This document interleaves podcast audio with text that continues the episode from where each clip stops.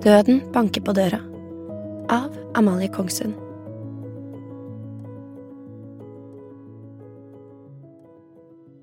Begynnelsen av februar. I dag sto jeg opp og ventet på døden. Ikke noe spesielt med det, tenker du kanskje? For er det ikke det vi alle egentlig holder på med? Vi venter på døden. Og i mellomtida forsøker vi å gjøre betydningsfulle ting med den tida vi har til rådighet. Vi spiser brødskive, drikker kaffe, går på jobb, ser på Netflix og peller nese når vi tror at ingen andre ser det. Og så glemmer de fleste av oss at vi venter på døden, vi som tenker at den uansett er så mange år unna. Likevel, på tross av at jeg har sett Netflix og drukket kaffe med mye melk og enda mer sukker, vi lever jo tross alt bare én gang. Ringte altså døden på døra i forrige uke. Den som skulle være så langt unna. Ringeklokka hadde som vanlig gått tom for batteri, så det blir vel mer korrekt å si at døden måtte banke veldig hardt på døra et par ganger før jeg la merke til at han sto utenfor. Det er i sannhet ikke noen hyggelig person å treffe på, og jeg har ikke drukket kaffe siden. Dette var i forrige uke, og nå sitter jeg her og venter. Jeg ser ned på magen min. Den er ikke så stor som den skulle ha vært. Men før jeg går videre, må det allerede her innrømmes at jeg beklagelig nok har begått en liten løgn. Dette med at døden skulle stå utenfor huset mitt og banke hardt på døra, er ikke helt korrekt. Altså, hadde han manifestert seg som en skikkelse, hadde han nok vært nødt til å banke flere ganger om jeg skulle ha hørt at han sto utenfor. Men naturligvis er det ikke det jeg sikter til. Likevel er det slik det kjennes som om jeg allerede har sluppet ham inn i huset mitt, og at han nå sitter i den slitte godstolen i stua. Det er en poeng lenestol fra Ikea, forresten, en sånn man kan vippe i. Jeg har alltid sett for meg døden som en tynn og hengslete mann, litt som mannen med ljåen, men heller iført noe mer folkelig enn fotsid kjole. Hettegenser, kanskje? men på tross av lav BMI hos dødsskikkelsen ville trolig lenestolen ha deiset i gulvet idet han satte seg, for den er overmoden for dynga. Vel, nok avsporinger. Selv om jeg fornemmer døden sittende i godstolen, er den altså tom. Og om døden faktisk banket på for å si at nå kommer han snart, så skjedde det ikke først her hjemme, men på et behandlingsrom på Rikshospitalet. Jeg ligger på en papirkledt benk. Det er verken behagelig eller ubehagelig å ligge der, om vi snakker om ren fysisk komfort, men ellers er det en pine. Ultralydgeleen er god og varm når den smøres på, og legen setter proben mot magen min. Det er en ny legedag. Vi har truffet mange forskjellige siden ultralyden i uke 18. Det er syv uker siden nå. Syv uker siden vi fikk vite at noe er galt. Dette mystiske og skremmende noe som ingen kan gi oss en helt sikker forklaring på, men som definitivt ikke er godt nytt. Likevel håper vi. Vi håper for hver eneste kontroll at det er i dag vi skal få gode nyheter. At legen skal si jo da, det er klart dette går fint, det er klart at jenta deres skal overleve. Og forrige gang var det faktisk litt gode nyheter. Trodde vi, da. I ettertid har jeg lest gjennom journalen min, og det er sant at det slettes ikke var gode nyheter. Det var en hel haug som var direkte dårlig nytt, og én liten ting som kunne være bra. Men alt dette som ikke var bra, ville tydeligvis ikke feste seg i hukommelsen for da vi fikk se vekstkurven hennes på datamaskinen, tenkte vi først og fremst på at det hadde vært litt vekst. Jeg tenkte ikke på at streken hennes var milevis unna normalområdet, og at kurven faktisk ikke var en ordentlig kurve, men en rett strek som kun med en mors godvilje kunne tolkes å gå i riktig retning. For kun med dette tynne halmstrået av håp kunne vi unngå å slippe døden inn i stua. Så jeg grep tak og holdt fast. Nå som jeg vet hvordan det hele gikk, er jeg glad for at legen sa at det hadde vært litt vekst. Etter uendelige mange kontroller med kun vage og heller negative tilbakemeldinger, trengte jeg litt håp. Et lite halmstrå å gripe tak i. Jeg har klamret meg fast, knuget halmstrået så hardt i hånden at knokene ble hvite og hånda så klam og svett at halmstrået nesten gikk i oppløsning. Da måtte jeg holde det litt mer forsiktig, for det var allerede blitt ganske skadet.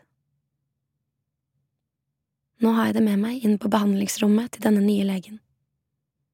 Hun sier ikke så mye som den forrige, men gjør akkurat det samme. Hun forsøker å finne den lille lommen med fostervann som den andre legen fant da vi hadde kontroll sist.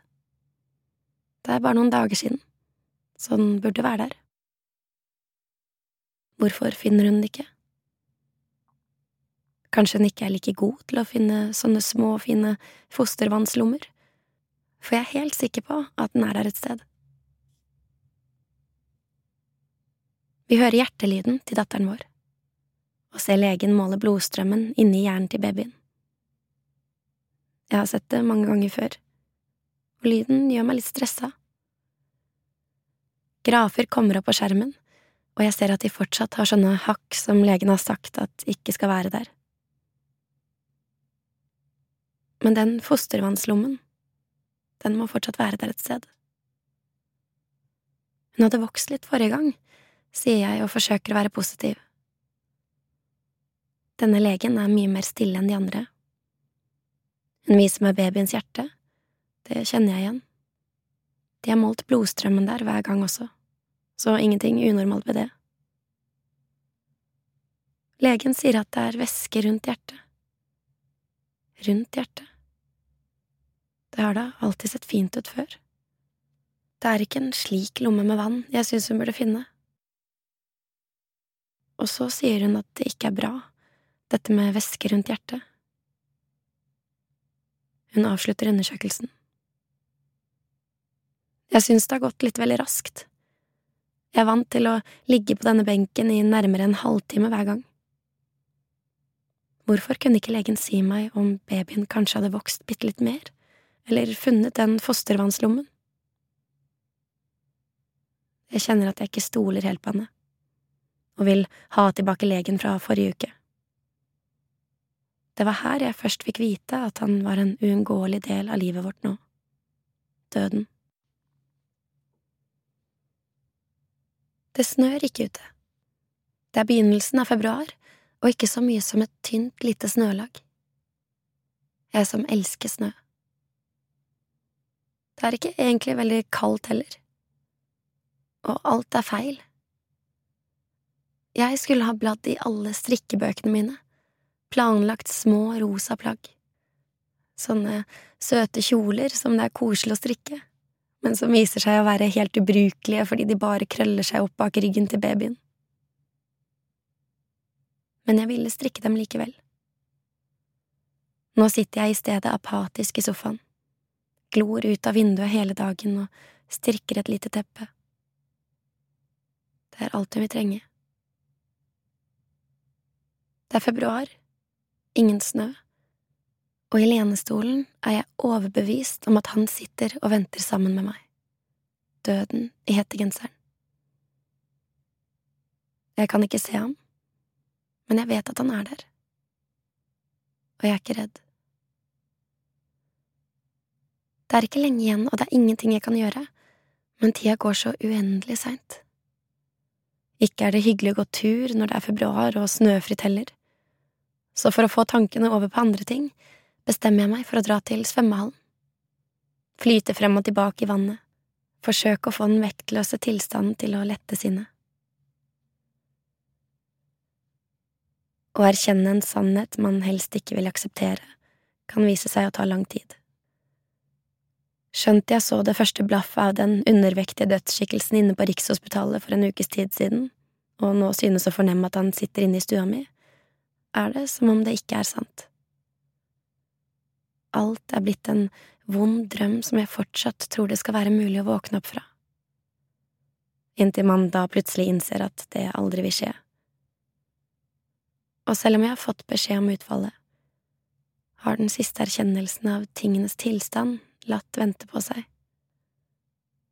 Og ikke hadde jeg trodd at den ville komme på min reise til svømmehallen. Slik har vi nå kommet til arnestedet for en hendelse i mitt liv som jeg ikke er videre stolt av, men som jeg likevel, situasjonen tatt i betraktning, har valgt å tilgi meg selv for. Også fordi jeg både tror og håper at ingen av de involverte har fått varig men. Jeg venter på bussen. Det verker i korsryggen, men jeg kjente at hun sparket litt i går kveld, så jeg er ikke bekymret for noen videre dramatisk utvikling.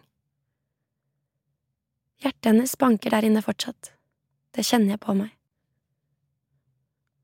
Bussen kommer. Jeg pleier egentlig å gå på forrest, men det er vinter, og sjåføren ser vel ingen grunn til å åpne noe mer enn den ene døra hvor en dame er på vei ut med barnevogn. Det er ingen andre enn meg som skal på bussen. Faen heller, som jeg misliker mødre som har barnevogner med levende babyer oppi akkurat nå, og inne på bussen er det to barnevogner til. Hun som skal av, har en sånn barnevogn med fire store hjul, og det er ikke mer enn 30 centimeter fra bussen og ned til fortauet. Den vogna burde helt fint kunne manøvreres ut av bussen uten forsterkninger.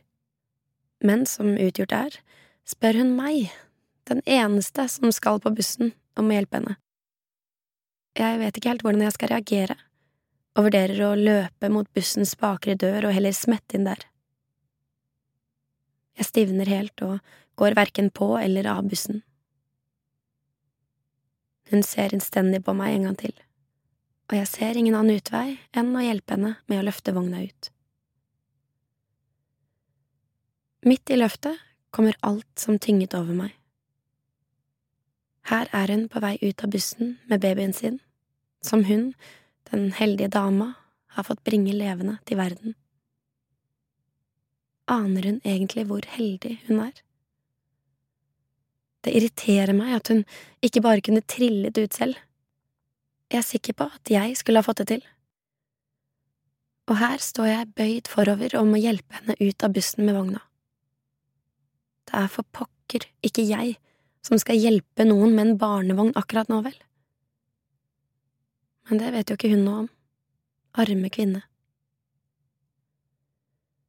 Hvorfor sa jeg ikke bare at jeg er gravid og ikke kan bøye meg ned? Det er jo en helt legitim unnskyldning. Men her står jeg midt i løftet og skjønner ikke egentlig at det er jeg som holder hele barnevogna akkurat nå. Jeg orker ikke mer. Jeg har vært så tapper.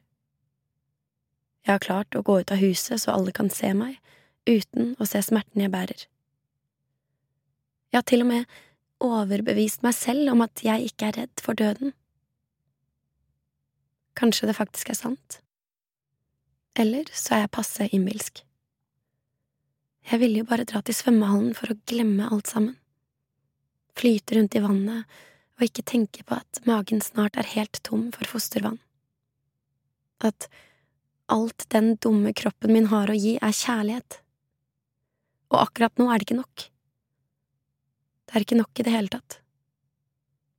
For man trenger oksygen og næring også, og ingen av de tingene klarer jeg å gi barnet mitt.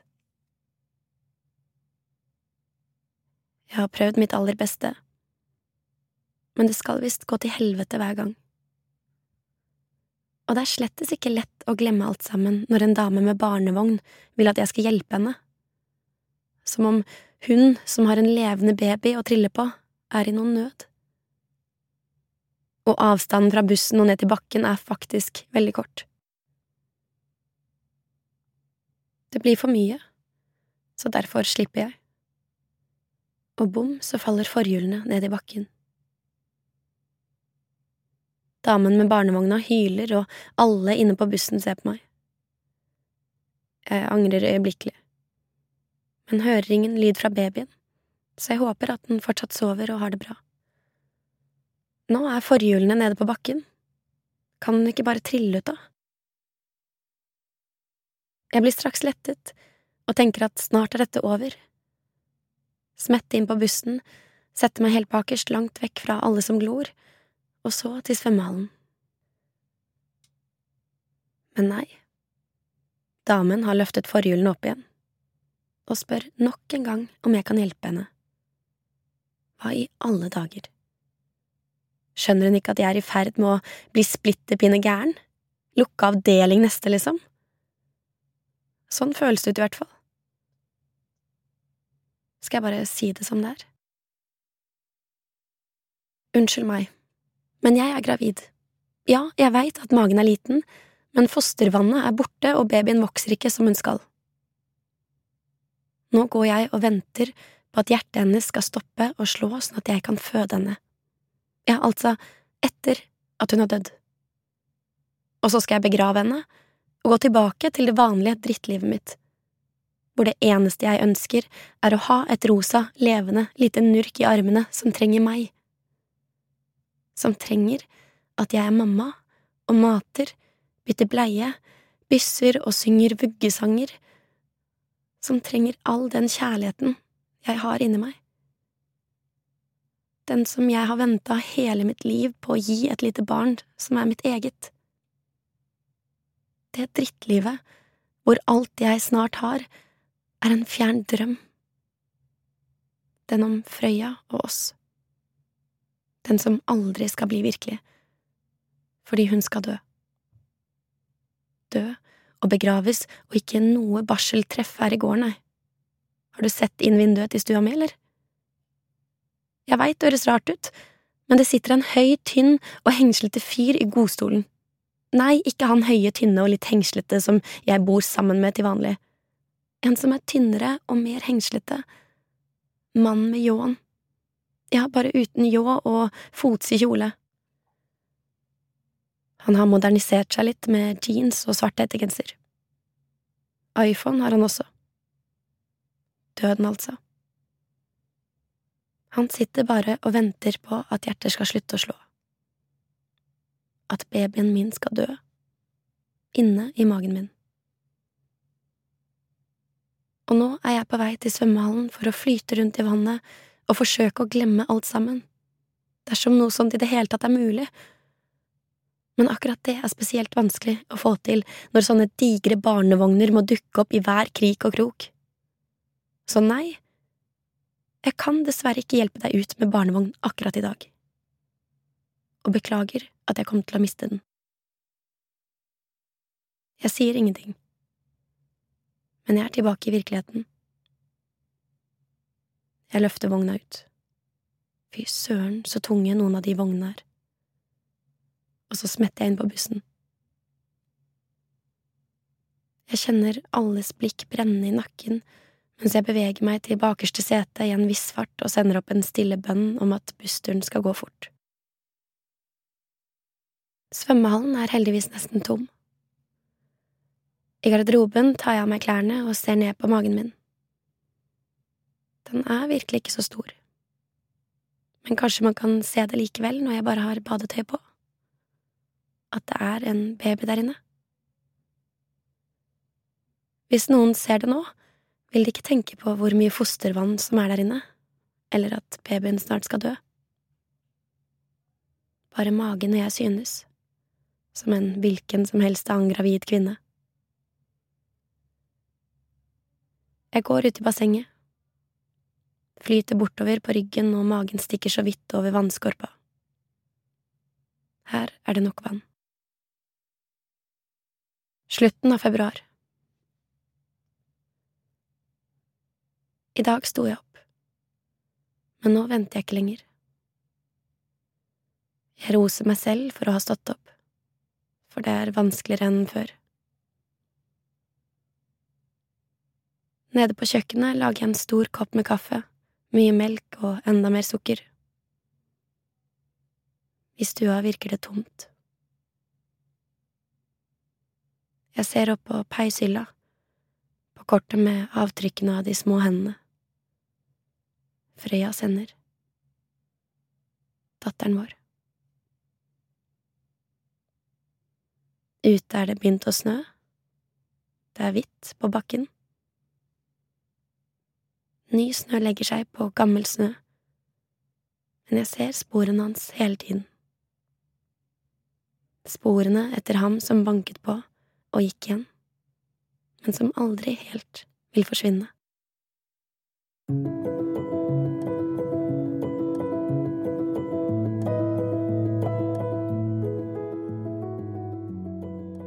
Nå har du hørt min historie, som jeg skrev etter vi mista vårt første barn, Frøya, i 2017. Utgangspunktet for historien min var den hendelsen hvor jeg mista den barnevogna ut av bussen. Og det har hjulpet meg veldig å skrive litt rundt det, og få sortert tanker og følelser eh, rundt hva det var som egentlig skjedde inni meg. Og det jeg kjente veldig på, var en sånn sterk skam over å ikke kunne glede seg på andres vegne. Og hvor vondt det gjorde å se alle som hadde det man ikke hadde selv. Enten de var gravide eller, eh, eller hadde med seg barn rundt. Og det er kanskje noen av de følelsene som man ikke alltid blir møtt så veldig på. Særlig når man treffer andre som ikke har mista barn så er det mange som ikke klarer å sette seg helt inn i det hvor vondt det gjør å se andre barn og andre gravide. Og det var noe som jeg også syntes var veldig vanskelig, spesielt i den tiden som jeg skildrer i historien, eh, hvor jeg fortsatt er gravid, men jeg vet at vi skal miste barnet vårt innen ganske kort tid, og så skal man allikevel klare å fortsette å leve i de dagene og prøve å få tiden til å gå. Og spesielt i den tiden så var det veldig vanskelig å forholde seg til resten av verden, rett og slett. Men eh, det er jo også følelser som mange kjenner på også etter at man har mista barnet sitt og det har gått lengre tid. Nå har det gått litt eh, over fem år, og vi har fått to levende barn etterpå. Men eh, Frøya vil så klart alltid være en del av vår familie.